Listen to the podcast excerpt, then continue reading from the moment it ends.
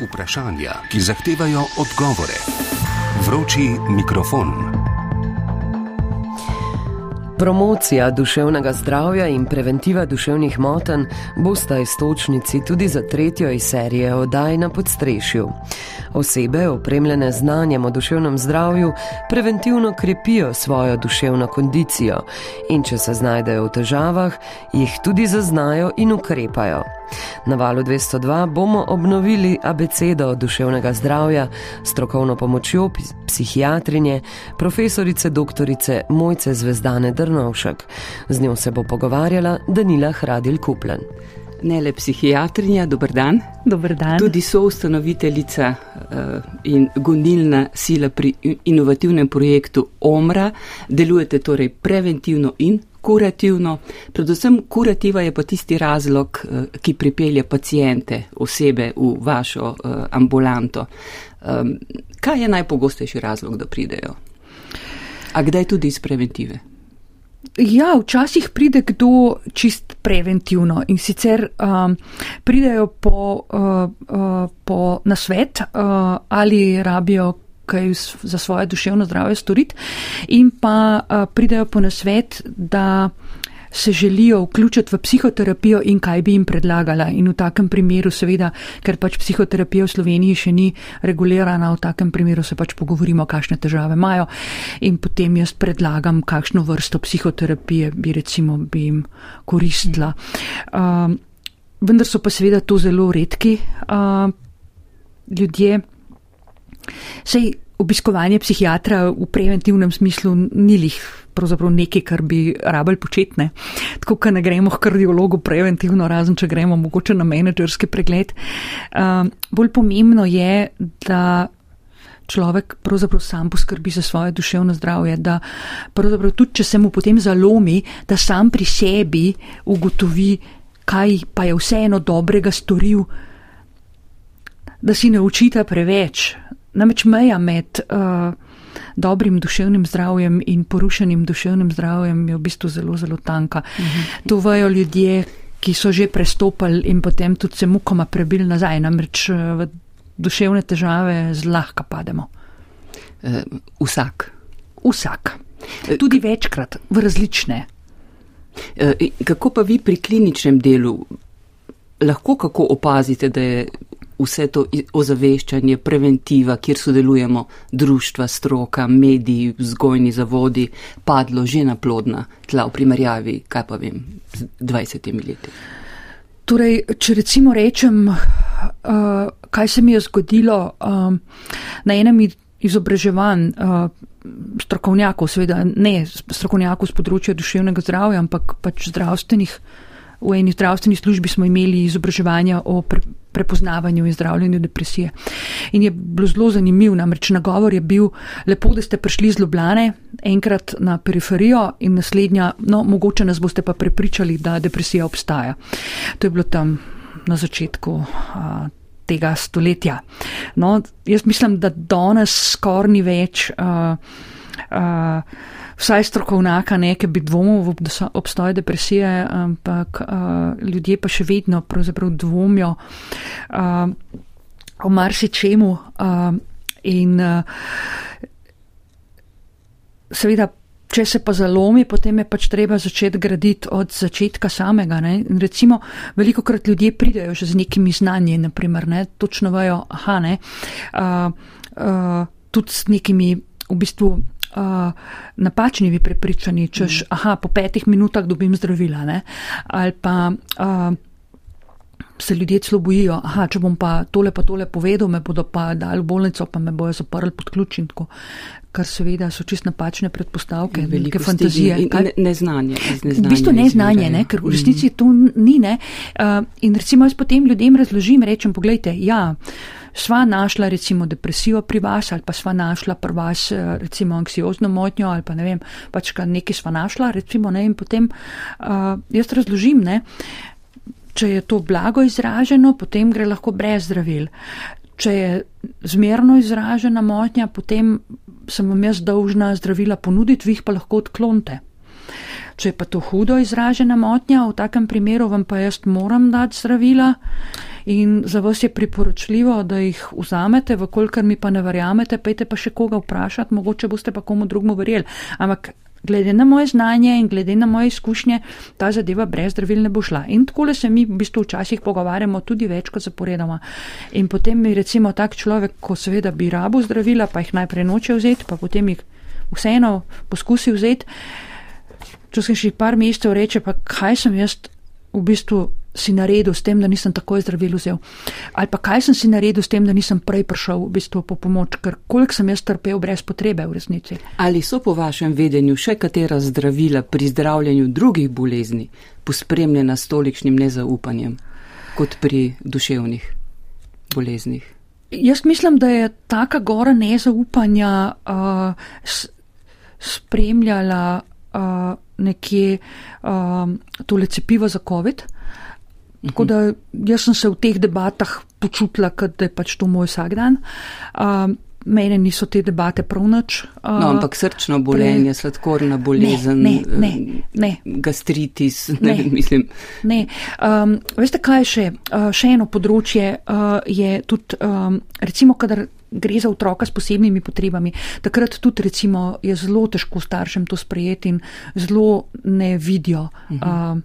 uh, uh, pa zelo ali precenjujejo možnost pomoči ali pa podcenjujejo uh, razlage. Recimo, sam tam je razumljivo, ne, da je pač to težko sprejeti. Zdaj, ker ste načeli uh, antidepresive, uh, bom sledila temu, pa mi povejte, nekateri pomisleki pri jemanju antidepresivov zagotovo držijo. Hudi stranski učinki so, to drži. Ne, niso Ampak, hudi, bolj zoprni so. Aha. Niso to hudi stranski učinki, bolj so, um, bolj so nadležni in neprijetni. In recimo, glede in minejo. na. Nekateri ja, nekateri ne. In če ne uh, minejo, kaj se zgodi? Menjamo antidepresiv. Uh, pri taki paleti antidepresivov, ki je na trgu, je popolnoma logično, da idealnega zdravila nimamo. Se pravi, mi idealno zdravilo iščemo za posameznika. In recimo pri antidepresivih smo do te mere uh, natančni, da želimo, da človek tega zdravila ne čuti v smislu neprijetnem. Smislu. Se pravi, iščemo toliko časa, dokler nekdo nekega zdravila dobro ne prenaša. Zdaj, Potem pa uh mhm. -huh. samo še držimo pesti, da mu bo v bistvu pomagal. E, eden od pogostih pomislekov, ki ljudi odvračajo od odločitve, da bi uživali antidepresive, je tudi to, um, da postanejo odvisni od njih. Ne, ne mogoče. Od antidepresivov ni mogoče. Ampak kot pomirjeval, s katerimi se potem zdravijo na lastno roko? Veste, to je, to je res tak anahronizem. Uh, tableto apaurina, ki ga ima prijateljica v torbici, bodo vzeli, pa je v bistvu to nevarno zdravilo. Antidepresiva od psihiatra pa ne. ne. Tako da, ja, mislim. Torej, odvisnosti ne. Ne. Ne povzročajo, lahko pa je, ko jih opuščamo, pride do odtegnitvenega sindroma. A s tem zamenjujemo? Ja, to je. Ja. Samo odtegnitveni sindrom je pri enih antidepresivih bolj izražen, pri nekaterih manj. In, um, Kako se mu pa da izogniti oziroma tem, ga postopoma, postopoma nižamo odmerek? Zelo, zelo postopoma. Z, lahko tudi zelo, zelo postopoma, ker obstajajo tudi farmacevtske oblike, ki se imenuje tapering strip, kjer se v bistvu spušča lahko dva meseca. Uh -huh. uh, še na hitro uh, pravi pravijo, bojijo se, da antidepresivi povzročajo apatijo? Ne, res pa nekoliko otopijo čustvovanje. Recimo ljudje rečejo. Vsakemu človeku in vsak ja, antidepresiv. Ja, v bistvu ja. Ravno zaradi tega. Uh, zmanjšujejo namreč tesnobo. Človek je mečken manj senzitiven, mal, mal, mal, mal otopijo čustva, ampak ne tako, da bi bili popolnoma ljudje top, otopeli. Samo mičkano. Da nisi več žalosten, da nisi ne, jezen da, in da, da nisi vesel. Ne, enako ne. si žalosten, samo trpiš manj. Uh mhm. -huh. In to je včasih celo zaželeno. Sploh pri anksioznih motnjah, ko recimo so zelo burna anksiozna čustva in je takrat fino, če se mečkano topijo, zato da človek potem gre v situacije, ki se jih je prej izogibal, da je takrat čustvovanje mečkano otopelo. Potem pa se ta, te antidepresivi itak dajo stran. Povečujejo apetit. Nekateri ja. Nekateri pa kontra. Nekateri pa kontra pa ga zmanjšujejo. E, so znak slabosti, če se odloči za nje? E, slabosti samo na začetku In to pri nekaterih. Če se odločiš za nje, pomeni, da si šibek. Joj. ja.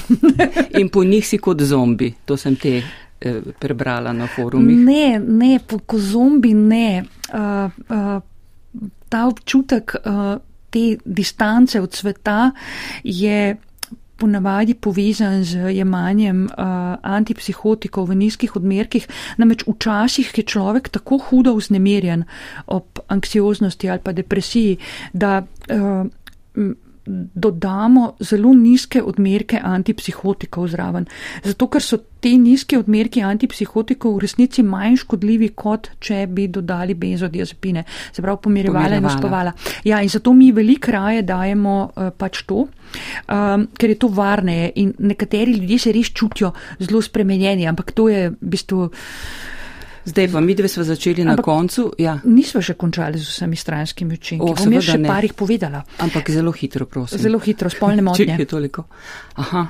Eh, te so včasih zelo neprijetne. Motne v plus ali v minus? Ja, odvisno, kakšne težave ima človek. Pri prehitrih streljcih je to celo zaželjeno, drugače pa problem pri doži, doživljanju orgazma in pri uh, pač, uh, uh, ejakulaciji. Uh, tako da uh, nekaterim to celo paše, ker pa potem normalne funkcije, nekaterim pa to zelo ne paše. Pa no. se da potem uravnati s kako drugo zadevo? To? Ne, v bistvu ne. Mislim, s kakim drugim antidepresivom? Ja, potem zamenjamo antidepresiv, ker je težko pričakovati, bo nekdo dve leti imel, pa ne užival v spolnosti. Ne? Mislim, da je to nesmiselno. Se pravi, je rešitev. Je rešitev. Uh, zdaj, začeli smo na koncu. Ni problema. Ko človek že pride do psihiatra in ima to srečo, da pride do njega in da mu potem predlaga zdravljenje. Ne? Tudi zato je fino uh, obvladati to abecedo duševnega zdravja, zelo na hitro greva skozi, uh, kako jih prepoznavamo oziroma ukrepamo. Jaz bi začela kar stresom, čeprav sam po sebi ni duševna motna, ne? ampak ga mislim, da veliko krat pocenjujemo. Kdaj? Torej, stres, uh, stresa se zavedamo, kadar je močno izražen in kratko traja. Uh, vendar pa je, smo izjemno dobro pripravljeni na hude stresne okoliščine. Čeprav nas spravijo včasih iz tira, ampak to nam ne bo povzročilo nobene škode. Škodo nam bo povzročalo dolgotrajen stres, zlasti tisti, ki ga ne opazimo, se pravi, ki je mečken nižji, pod pražnimi rečemo. Tako nas počasi, počasi, počasi gloda, ob tem, da pravzaprav mi niti ne čutim, čutimo, da nas počasi zgloda. Ker ta nas pa lahko pripelje do telesnih težav, do izgorelosti, do epizod depresije do anksioznih motenj, skratka in kup težav je povezanih s tem dolgotrajnim stresom in potem pa človeka seveda to par let gloda, uh mhm. -huh. potem pa pride en velik dogodek, ki nas pa sesuje. Če mi prej ne bi bili najedeni ko uh, od molja deka, uh, nas niti ne bi sesulo recimo nek stresni dogodek. Ampak tisti je samo kaplja čez rob. Ob drugih dejavnikih. Ob drugih dejavnikih, ja. Eh, v, v zadnjem času pravzaprav vsakem, na vsakem koraku omenjena izgorelost. Eh, ima tudi stres nekak svoje prste zraven. Povejte mi, preden nadaljujete, nadaljujeva, kako ste to stanje izgorelosti psihiatri, psihiatrinje klasificirali pred 20 leti? Zelo redko smo se srečali s tem uh, vprašanjem, um, zato ker takrat se ni kaj dosti govorilo o izgorelosti. Ampak ljudje so najbrž izgorevali, ja, ne glede na tempo uh, življenja. Moj prvi pacijent, uh, ki je bil izgorel, uh, mislim, ki je imel izgorelost, je bil, mislim, da še v času uh, moje specializacije sem ga imela v ambulanti. Uh, uh, izgorelost drugače se ne šteje kot uh, duševna motnja. Mm, pač pa določene človekove lastnosti pripeljajo do tega, da izgori. In sicer ena zelo dobra lastnost, ki jo moramo zelo negovati pri sebi, in sicer to, da je človeku mar. Mhm. In potem se sekira. Se pravi, stres si dejansko naredi sam s tem, ker je sočuten, ker je prizadeven, ker je odgovoren, ker mu je mar. Uh, namreč nikoli ne bo izgorel nekdo, ki stvari zna vršiti čez ramo in mu je vse en in tepta čez druge. Ampak uh, ležerne osebe v pozitivnem smislu pa ne mogoče, da bi zbolele za izgorelostjo. Ja. Perfekcionisti. Perfekcionisti. Uh mhm. -huh. Kakšni pacijenti pa so ljudje, ki so izgoreli? Najboljši. Ker so perfekcionisti. Zato, ker se zelo trudijo okrevati. Ubogajo tudi. Ne, Mm, ne samo, da Grdo sem ubogajo, so, rekla, so ampak ja. inventivni, iščejo rešitve, ker se počutijo ekstremno slabo in ker so nagnjeni k temu, da uh, so v življenju aktivni, odgovorni, se temu primerno obnašajo tudi v času zdravljenja in jih moraš kvečemu malo nazaj vleči, uh, ne pa porivati naprej. Um, je pa res, da se, če preventivno ne delujemo, se pravi, če na ta stres nismo pozorni in tako naprej, uh, telo več ne sodeluje, če tudi bi mi sodelovali Ja, seveda, v, sej, v življenju. Ne? Ja. Ponavadi se telo ustavi. telo se ustavi. Ja. Sej tudi glava v bistvu ne dela. Uh, v glavi imajo meglo, pravijo uh, nobene koncentracije, nobene pozornosti in samo v bistvu obležijo. No? Dobesedno obležijo. Kako lahko okolica pomaga, če opazi, ker predvidevam, da okolica prej opazi, da ta človek. Okolica Pred- opazi, da se nekdo preveč žene in takrat, ko se preveč žene, so ponavadi ljudje precej gluhi za nasvete. Um, potem, ko se pa pač zgodi izgorelost, je pa okolica ponavadi pričakuje, da bo ta človek tako kot zmeri, ne, z voljo vse premagal, ali pa da bo po enem tednu počitka že konov. Uh, vendar pa se temu ne zgodi, ne, tako. In uh, potem so zelo presenečeni, pravzaprav, koliko je ta človek nosil na sebi, in potem so jezni na njega, ker pač ne upravlja svojih nalog. Ponavadi tak človek leče za sabo kar precej ljudi, ki jih je prej tudi nekoliko razvadil, da se lahko na njega zanašajo.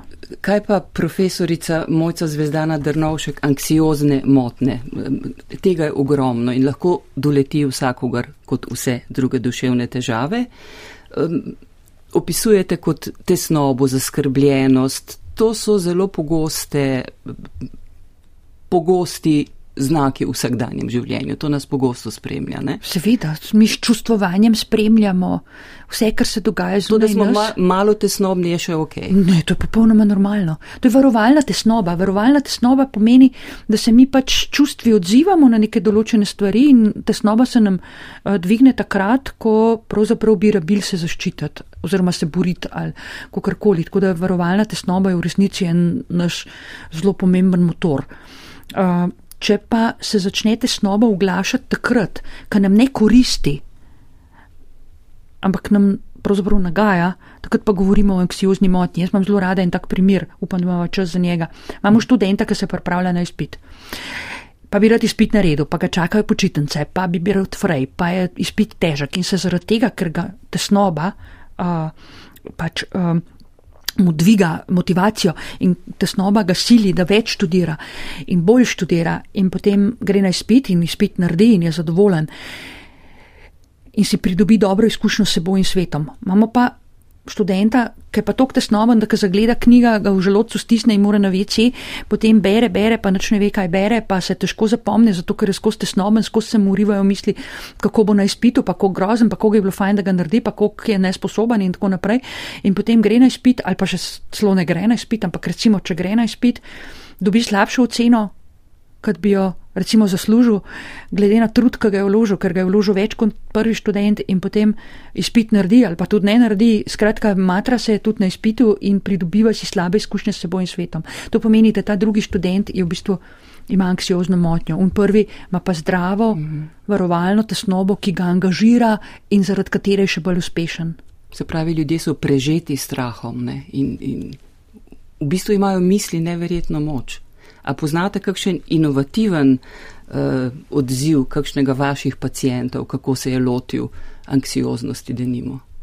Uh, ja, uh, kar več in to inovativnih načinov so izumili uh, moji uh, pacijenti uh, in jaz z veseljem posredujem njihove izkušnje s otrpinom. Um, Kaj uporabnega tudi? Zelo, za, ja? uh, zelo. In sicer prepoznavanje, kdaj so kdaj je tesnoba varovalna, kdaj je pa moteča. In uh, mislim, ki jih. Uh, ali pa občutkom, ki jih pelje uh, moteča tesnoba, dajo ime. In recimo najboljše ime je bil grenivke so prišle. Se pravi, to ni prava, ne, to ni zdrava tesnoba, ampak so grenivke. In grenivk ne upoštevamo. In kadar to poimenuješ, ti pomaga kako pravzaprav? Da diferenciramo, kaj bomo Aha. upoštevali, kaj ne. Uh, kaj, je, kaj, je, kaj je v bistvu moteče, uh, kaj je pa koristno.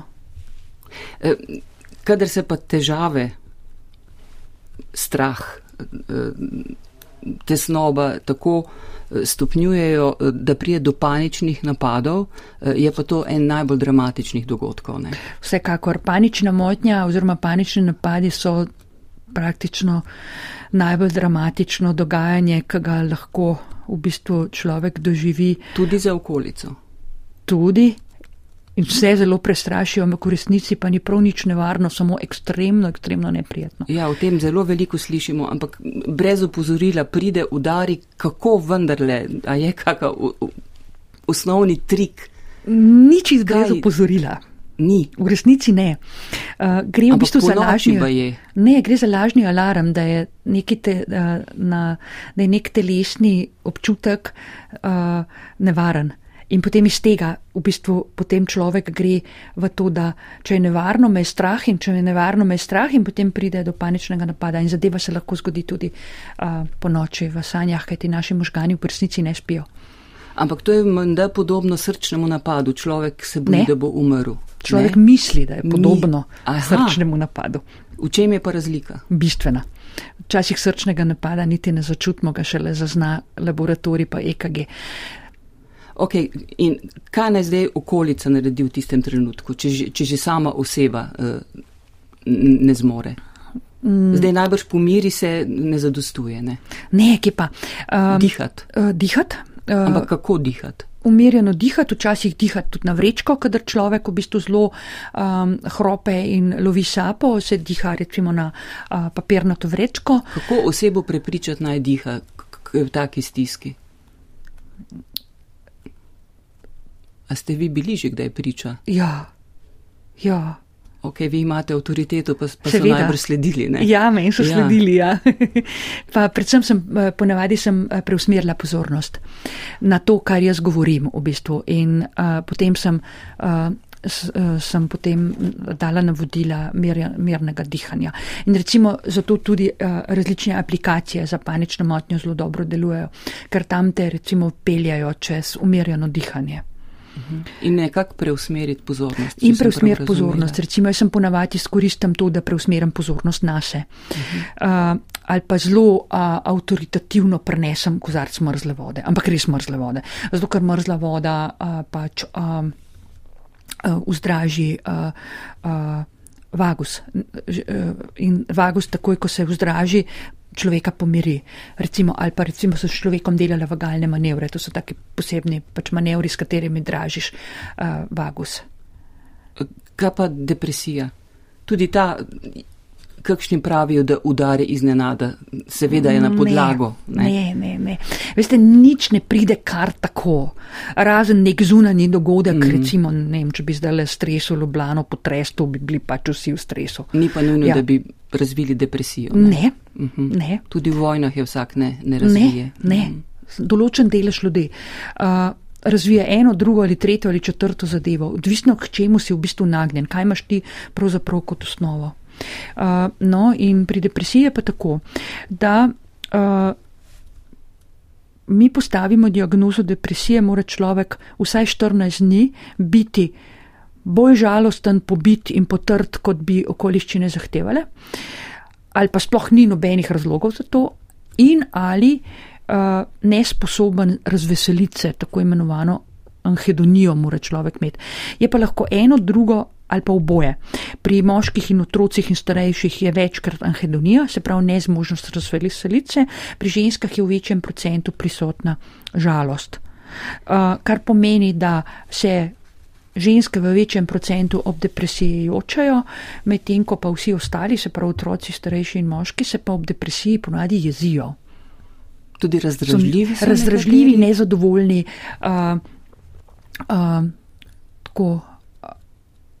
Ampak. Uh, Marsikdaj, ko slišiš za koga, da trpi za depresijo, eh, te preseneti, ker ta človek eh, opravlja svoje obveznosti, tudi zelo zahtevne na delovnem mestu, ampak najbrž zadnjimi atomi in to je edino, kar zmore, potem se pa zruši doma. doma. Ja, pri, odvisno, ne, če je blago izražena depresija, človek pravzaprav vse zmore, samo dela kot robot, brez nekega občutka. Ne, življenje postane zelo, zelo uh, prazno, vendar pa občutek dožnosti uh, veliko krat človeka sili, uh, da upravlja svoje naloge. Medtem ko pa pri zmerno izraženi depresiji pa človek določene naloge zmore, če ima primerno podporo. Pri hudo izraženi depresiji te pa tudi bager ne spravi iz posle. Tri najosnovnejše uh, informacije, s katerimi bi si mogoče oseba, ki trpi za depresijo ali okolica in še ne pride do pomoči, ker se na pomoč žal še vedno dolgo čaka oziroma še dlje kot se je, uh, kaj storiti? Dvigni se in pojdi ven ne pomaga. Um, torej, načini premagovanja depresije so gibanje. Recimo, Ampak ne eden... moreš. Ja, v takem primeru bo pa pač treba obiskati strokovnjaka. Nujno urgentno pomoč, psihiatrično? Seveda, Vse obstajajo. Uh, mi imamo pač nujne ambulante, 24 ur delujejo v vseh psihiatričnih bolnišnicah, potem so pa še uh, nujne uh, ambulante, recimo na polikliniki dela do povdne vsak teden, vsak delovnik. Tako da pod na pregled prid, na prvi nujni pregled se da prideti praktično takoj. Če je stiska zelo huda, brez problema torej, takoj. Bolj mm. problem je dobiti potem obravnavo, mm -hmm. kajti samo na podlagi enega pregleda človek ne bo okreval. Uh, gre za obravnavo in do obravnave je težko priti. Na nujni pregled se pride kamorkoli lahko, tudi ob desetih zvečer, kar mogoče ni najbolj pametno, ne? ampak. Hvala vam za konkretne nasvete, doktorica Mojca Zvezdana Drnovšek. Preventiva za telesno kondicijo se je že prijela, upajva, da se bo tudi za duševno. Ja, um, Torej, skrb za duševno zdravje in uh, krepitev duševnega zdravja je še zelo v povojih. Namreč ljudje res nekako ne razumejo, da če ustrajajo recimo nezdravih, toksičnih odnosih, uh, da se bo to prej slej poznalo na njihovem duševnem zdravju. Recimo. A veste, to je tako, kot če bi recimo mi rekli, ja, v redu, ne, bom pa, ne vem, uh, si šotor postavil zraven avtoceste, ker je tam fajn razgledne. Mislim, ga ni pametnjakoviča, ki bi kaj takega naredil, ker tam vendar je dim, pa je hrup, pa je to. Ampak pri duševnem zdravju se pa dobesedno enako obnašamo. Hvala srečno. Prosim. Vprašanja, ki zahtevajo odgovore. Vroči mikrofon.